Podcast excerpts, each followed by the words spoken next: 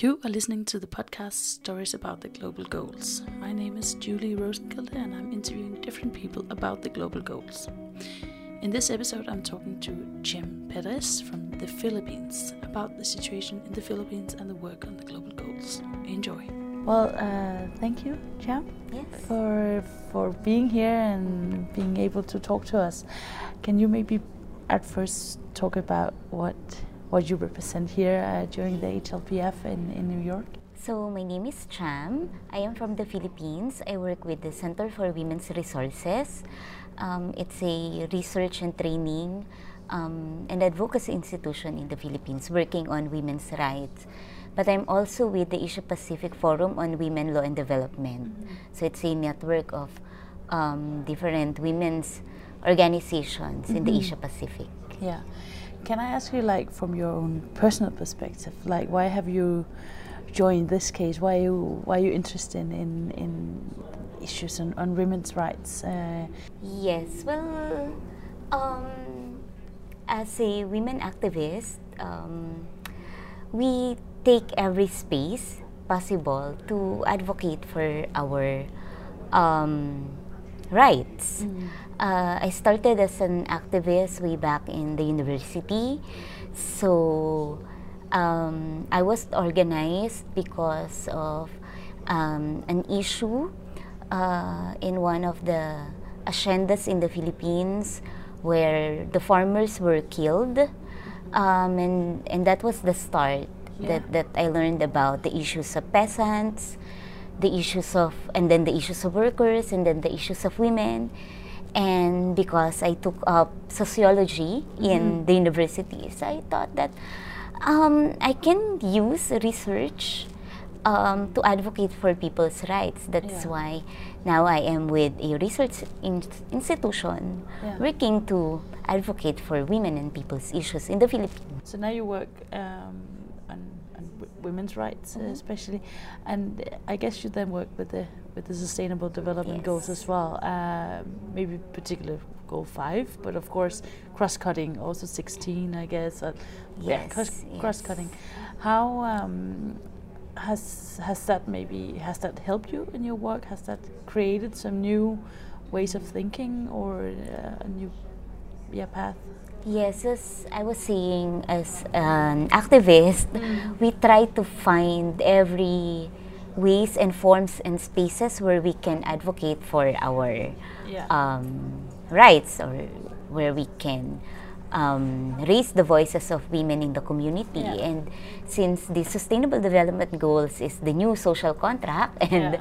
everybody's talking about it, and we we feel like this is a very important space for us to also engage because um, all of the member states are talking about it and we want to be included in that space because for so long we have been excluded Yeah.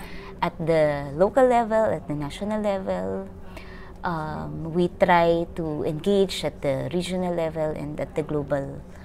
Processes because we, we feel like this is a very important space for us Yeah. to advocate as well. Of course, when you go to the communities, they don't know about the SDGs at all. No.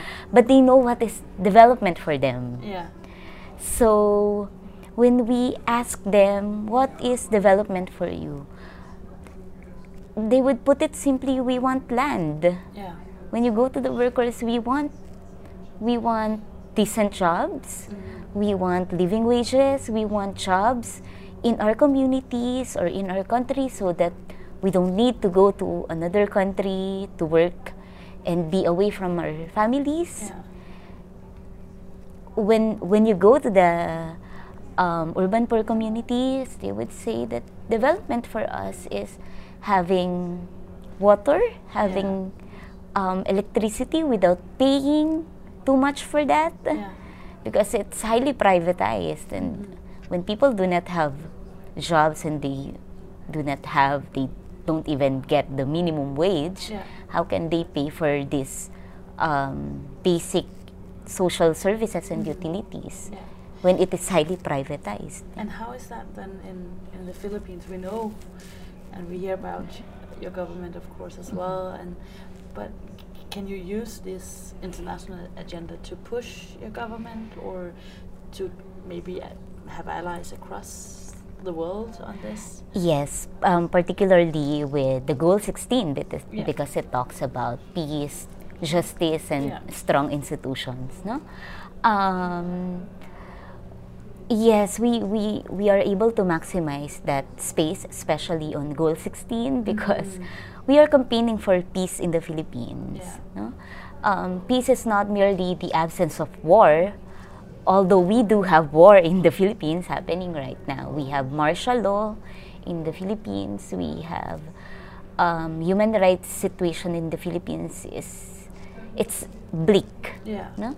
Um, and can you maybe say how it is so, so people who don't know the situation? well the, the human rights situation is that um, there is a rise of a an authoritarian um, government where it doesn't take criticisms mm. from the people and we feel like criticism is good yeah. criticisms they they they make us accountable and they they make us do things right so we, we think criticism is good and it's not only criticisms we are actually putting on the table our alternatives mm. And the response, unfortunately, is not good. So many of the human rights defenders, activists, are are um, being attacked. So it, it's like from shrinking space in participation in consultations, in policy dialogues, from from that shrink, shrinking space to directly attacking human rights defenders.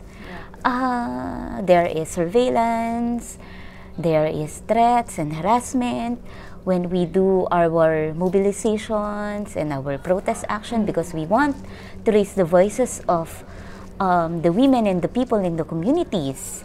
Um, our mobilizations will be violently dispersed um, not only women but the workers, the peasants, all all of the sectors, the students, and we feel that this does not show a strong institution. Yeah. a, a strong for us a strong institution um, are institutions that enables the participation, the meaningful participation of the people in the communities mm -hmm. because um, our institutions are supposed to be um, serving the interest of the people in the community because because that's what they are yeah. in therefore no so yes we are able to gather um, allies and build solidarity because we see that what is happening in the Philippines is also happening in other um, countries and communities as well. There is also um, shrinking space for them. Um, human rights defenders are also facing um, violations and attacks against their rights. So I, I think these kinds of spaces is also good because aside from um, raising our voices in in the official spaces through the interventions, although we were given very limited time there as well. But outside of that process, when you see the other members of civil societies here, the other women's organizations, yeah. the other activists, you are able to build the solidarity that yeah. is very much needed yeah. to continue to to advocate and campaign for our issues. Yeah. It's very inspiring your your fight. Maybe because time is, is, is flying. Um, do you have some visions or ideas so we can actually achieve the 2030 agenda by 2030? Well, in in our communities in the Philippines and for sure in different communities in different countries as well, we are already starting the change that we want. Yeah. So, in here, what we really want is to start a conversation on, on an alternative model of development. Yeah. because the current one that we have right now is very much focused on growth. It is very much focused on relying on the private sector, the corporation for for progress. Yeah. But but we know that it is the people on the ground who are the genuine drivers of progress. And um, we are already doing that in the communities. And I think it's about time for the governments to listen to us. Yeah. Because you put it simply, put people's rights at the center of development. And that's it. And we have been doing that in our own communities. Um, I think it's just a matter of um, prioritizing um, with whom are you really um, serving for. Yeah. um, that, uh, very simply like that. Yeah. Um, for for so long we have been excluded. Um, we we already had the MDGs and now the SDGs, and I don't think we would be able to achieve that in 2030 if we are still doing the same things that we are doing now. we need we need real changes here, and and the people on the ground who are um, advancing sustainable development even before the MDGs Mm. we have alternatives. I think governments needs to listen to us. It's Yeah. about time. I think that's a very good Yes. closing remarks as well. Thank you so much Thank you for telling your Happy story and yeah. and all the best for your work. yes, thank you so much, Yeah. and to you all as well. I think this is a very good exercise that you are doing because this is also a form of solidarity Yeah. because our voice in the south doesn't get through in the north that much. So I think this is yes. Of course, the people um, in the north have their own issues, and Thank you for listening. The episode is produced by the organization New Europe and the Danish UN Association. the podcast is produced with the financial support of the EU and CISU.